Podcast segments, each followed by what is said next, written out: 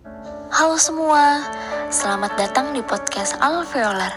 Aku Putri Wulandari dengan NIM 20111112004 dari kelompok 2 Optikus Fakultas Kedokteran Gigi Universitas Lambung Mangkurat. Jadi kali ini aku akan sharing nih tentang apa saja yang dapat aku lakukan sebagai mahasiswa FKG selama COVID-19 ini. Sebelumnya aku mengingatkan dulu ke teman-teman semuanya saat kalian mau keluar rumah selalu mematuhi protokol kesehatan ya supaya pandemi ini cepat berlalu juga. Aku juga berharap para generasi muda bisa berperan sebagai agent of change. Di sinilah para generasi muda sebagai sosok yang muda, penuh energi diharapkan untuk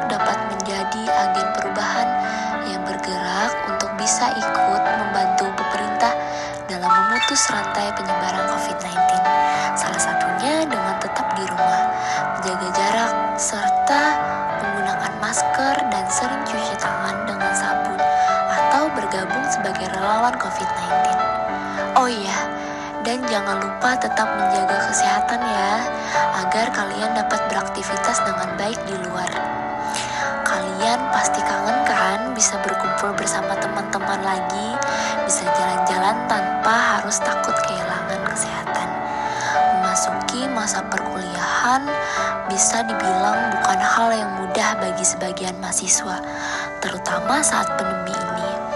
Masalah adaptasi lingkungan, padatnya jadwal kuliah, beban tugas, dan sebagainya yang tidak jarang menjadi beban mental bagi mahasiswa. Oleh karena itu, kita selalu mematuhi protokol kesehatan supaya kita bisa melakukan aktivitas dengan normal seperti biasanya. Selain mematuhi protokol kesehatan, kita juga bisa menerapkan gaya hidup sehat seperti pola makan gizi seimbang, minum air mineral yang cukup, rutin berolahraga, dan istirahat serta tidur yang cukup. Oke langsung saja pasti pada penasaran kan Apa sih keseharian yang biasa aku lakukan saat di masa pandemi ini Pepatah dulu pernah mengatakan Sejauh apa pun kalian pergi Pasti akan kembali ke tempat tanah kelahiran kita Terutama ya di rumah. Jadi pasti waktu yang banyak kita habiskan ya di rumah Apalagi di masa pandemi ini ya kan Uh, di rumah sesaat setelah aku bangun tidur aku langsung merapikan tempat tidur. Dan ya pokoknya melakukan bersih-bersih kamar lah. Setelah itu biasanya saat aku keluar kamar aku sering nih melihat ibu sedang menyapu, ngepel dan lain-lain.